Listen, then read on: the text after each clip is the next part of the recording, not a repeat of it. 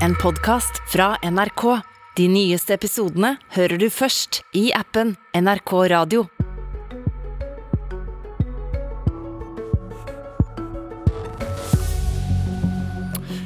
Putin kan være i ferd med å skremme Sverige og Finland inn i Nato.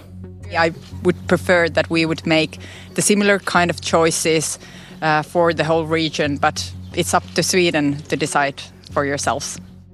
Den finske statsministeren håper Sverige vil ta samme Nato-beslutning som Finland. Hva er best for Norge?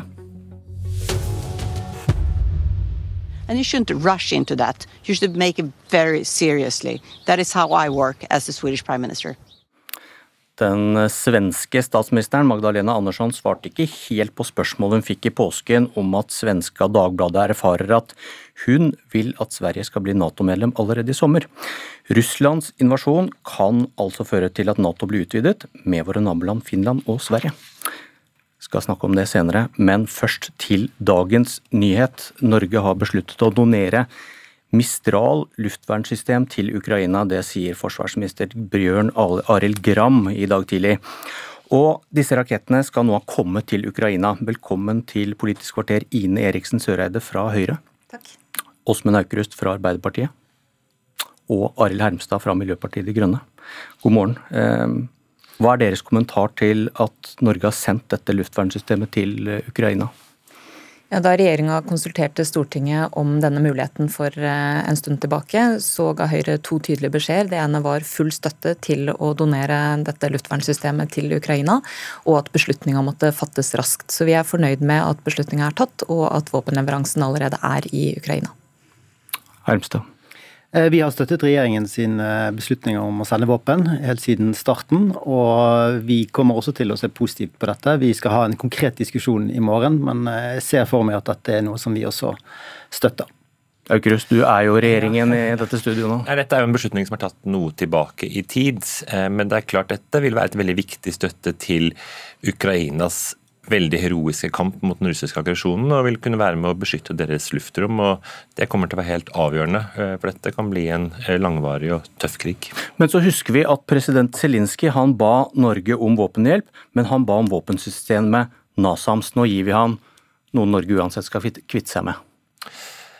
Vi gir han et veldig godt våpensystem eh, som er eh, fullt klart til å tas i bruk. Eh, så må Forsvarsdepartementet og Utenriksdepartementet ta en løpende vurdering av hva det er vi kan bidra med.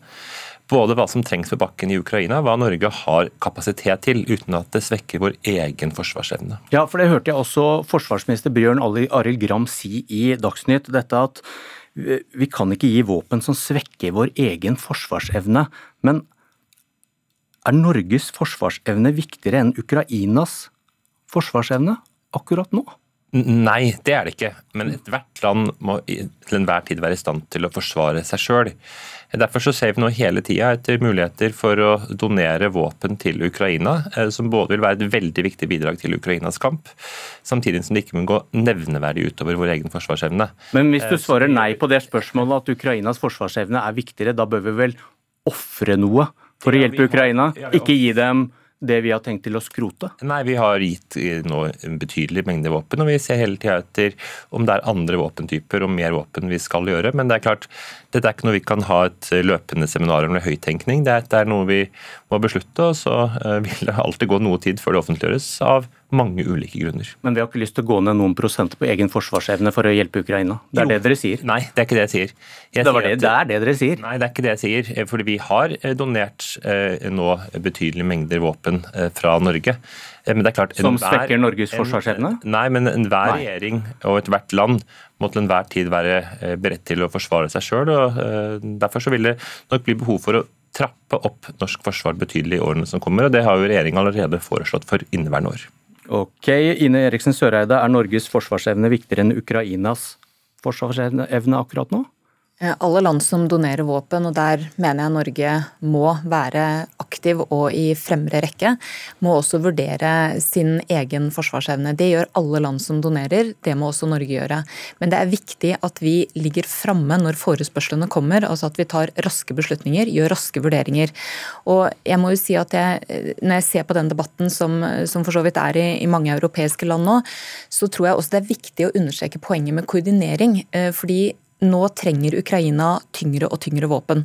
I dag kom også beskjeden om at de nå får eh, flere jagerfly, eh, bl.a. ved hjelp av USA. De får reservedeler. Det er usedvanlig viktig for Ukraina nå. Det er også forespørsler som Norge og andre land må se om vi kan bidra med. Altså ikke nødvendigvis fly, for vi har ikke samme eh, flytype, men å se på om det er noe vi f.eks. kan gjøre for å understøtte luftforsvaret til Ukraina. Og så er det jo ikke Norge som alene skal gi alle våpen, men vi må gi det vi kan, og det Ukraina har nytte av. Og Der mener jeg regjeringa må være raske i beslutningene. Og de skal vite at de har Høyres fulle støtte, også på tyngre forsvarsvåpen. Og det har vi sagt veldig tydelig fra til regjeringa. Utenriksministeren i Ukraina Koleba har tidligere sagt jo flere våpen vi mottar, og jo raskere vi mottar dem, desto flere menneskeliv vil bli reddet. Men så sitter dere og sier at vi er ikke villige til å ofre en prosent av Norges forsvarsevne for å styrke Ukrainas forsvarsevne. Vi gir dem utrangerte våpen og det vi kan avse uten at vi selv blir lidende. Men verken M72 eller Mistral er utrangerte våpen. Det er høyst effektive våpen. Som de ba Ukraina, om NASAMS, ba de ikke det? da? Som Ukraina også har uh, stor nytte av. Og så er det jo Forsvarsdepartementet, og ikke opposisjonen, som må svare på hvilke vurderinger de gjør av hvilke våpensystemer som kan og bør doneres. MDG, er dere villige til å oppgi noe av Norges forsvarsevne hvis det kan redde liv i Ukraina? Altså Den brutale angrepskrigen vi har sett, den har jo snudd opp ned på veldig mange land sin tenkning om forsvar. Eh, det er jo bare å se på Tyskland, se på Finland og noen av de baltiske statene har jo sendt enormt mye våpen, og også penger. Eh, så jeg tror ikke at Man kan ikke fastholde at en eller annen prosent forsvarsevne er, er det man skal oppgi. Men, ja, men Ta et konkret våpensystem som Norge trenger men som det går an å argumentere for at Ukraina trenger enda mer i dagens situasjon. Er du villig til å gi det til Ukraina nå? Altså det som vi mangler innsikt i, er jo det eh, våpensystemet som heter NASAMS, som er et veldig avansert våpensystem, hvor Norge har veldig begrensede ressurser i dag. Og spørsmålet er hvis du sender noe av det, vil, vår, eh, vil vi miste totalt det luftvernet vi allerede, det vi har i dag, som jo er for lite. Altså det er jo det som er mye av problemet, er jo at veldig mange land uh, nå innser at uh, man har vært for naiv i møte med russerne og har uh, en feil Altså vi har rett og slett vi har ikke et godt nok forsvar. sånn som Men du, til, Tilbake til spørsmålet prinsipielt. da, Er du villig til at Norge kan gi fra seg noe som koster oss noe, som svekker vår forsvarsevne for å hjelpe Ukraina? Hvis alle land sitter og sier det, så har jo Ukraina et problem. Så Prinsipielt så mener jeg at selvfølgelig vi, må vi gjøre en avveining. så Vi kan ikke si nei. Eh, vi kan aldri gjøre noe som svekker Norges forsvarsevne. Det mener jeg at vi ikke kan, kan si. Og jeg tror at Norge har vi er fortsatt litt beskyttet mot det som skjer i Ukraina her i Norge. Vi har ikke den samme kriseforståelsen som noen av våre naboland, altså Finland, de baltiske statene. Eh, tror jeg ser på denne konflikten på eh, en ennå Altså Der er man enda mer eh, redd for sin egen videre eksistens, mens vi i Norge fortsatt det, det, er et lite lag mellom oss og, og, eh, krigen i Ukraina som gjør at vi kanskje ikke har helt den samme kriseforståelsen. Ok, det var en fin overgang, for nå skal vi snakke om eh, Finland og Sverige. Så åpner vi med, åpner vi med et forsøk på et C-moment, for dere skal forsøke å svare kort på dette spørsmålet. Så skal dere få utdype straks. Er det, er det best for Norge at Finland og Sverige blir med i Nato? Høyre? Ja, det er det, og det vil styrke både europeisk og regional sikkerhet. Arbeiderpartiet? Jeg vil si at Det har veldig mange fordeler for Norge. så det har jeg sagt er best for Norge. Men det viktigste spørsmålet her er jo hva er best for Sverige og Finland. og Det er en avgjørelse som de må fatte sjøl. Miljøpartiet De Grønne? Vi mener at det er best eh, for Norge at Finland og Sverige blir med. Det vil styrke den delen av Nato som eh, forsvarsalliansen som vi er opptatt av. Det vil også gjøre at eh, noe av de tingene som handler om Nato som et, et, problem som en, en, angrepspakt noen ganger har, har, gjort, det vil forhåpentligvis bli svekket, fordi at finnene og sven, svenskene er mer opptatt av forsvarsdelene. De sylskarpe lytterne til eh, Politisk kvarter lurer kanskje på hvorfor jeg sitter her med et panel med tre Nato-tilhengere. Og det er jo flest av dem i norsk politikk. Men forklaringen er at de to nei til Nato-partiene fikk en invitasjon. SV svarer at de ikke stiller fordi de først skal ha sin interne Nato-debatt. Rødt kunne ikke i dag. Um, Eriksen Søreide fra Høyre, du er leder i utenriks- og forsvarskomiteen på Stortinget. Hvis du skal utdype, hva er fordelene for Norge hvis Finland og Sverige blir Nato-medlemmer? Fordelene for Norge mener jeg er ganske åpenbare. Vi har jo utvikla et eh, nært samarbeid med Sverige og Finland i Nato over mange år. Vi samarbeider tett i et nordisk forsvarssamarbeid. Og det eneste som egentlig mangler, er at Sverige og Finland kommer fullt ut med og får den samme sikkerhetsgarantien og kan gi den samme sikkerheten til eh, Nato-land. Så i dag er de veldig tett integrert. De er, jo, de er jo litt det samme for Nato som vi er for EU. Og, og de er altså uten den sikkerhetsgarantien som vi jo ser nå, eh, veldig tydelig i Sverige, at det er i ferd med å endre seg, eh, altså oppfatningen om det er i ferd med å endre seg. og I dag går Aftonbladet ut på lederplass og snur i sitt syn, og anbefaler nå medlemskap fordi eh, det er den eneste måten å sikre Sverige på. Og Jeg opplever jo også at debatten har modnes veldig både i Sverige og Finland på kort tid. Jeg vil si det også er modige politiske ledere som på rekordtid har tatt inn over seg den sikkerhetspolitiske situasjonen.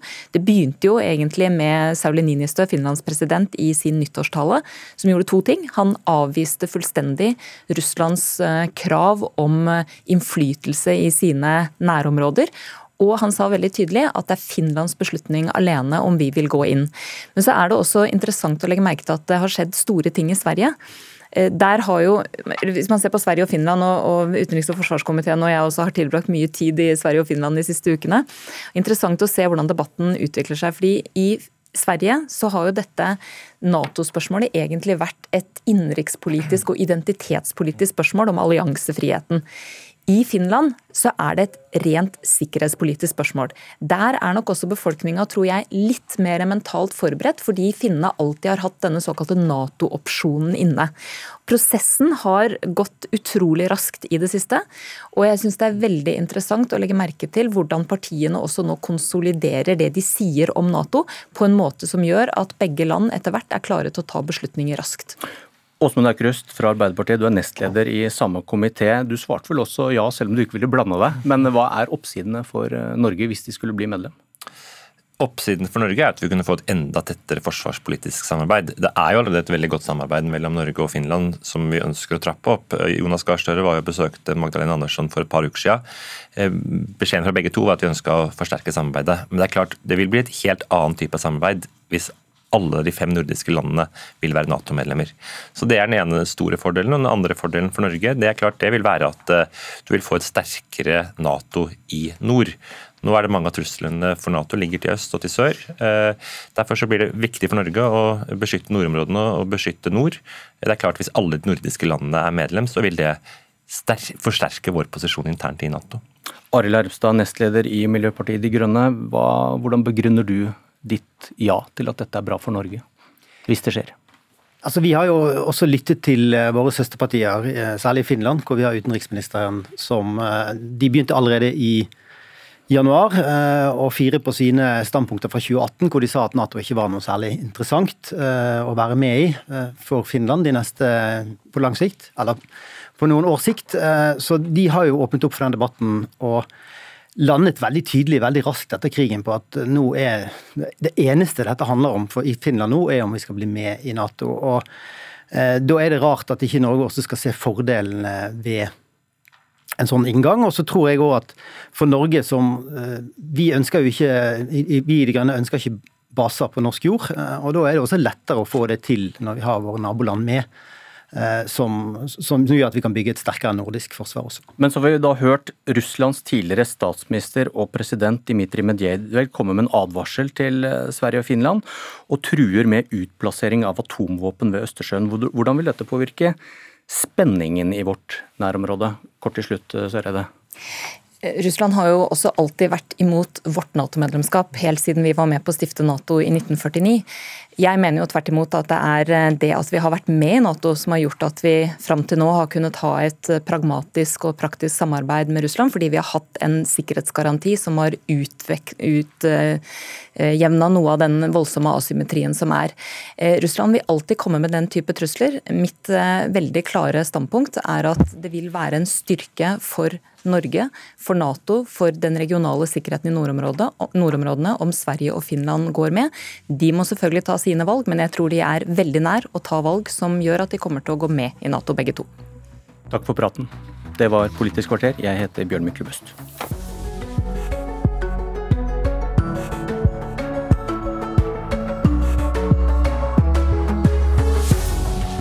Du har hørt en podkast fra NRK. De nyeste episodene hører du først i appen NRK Radio.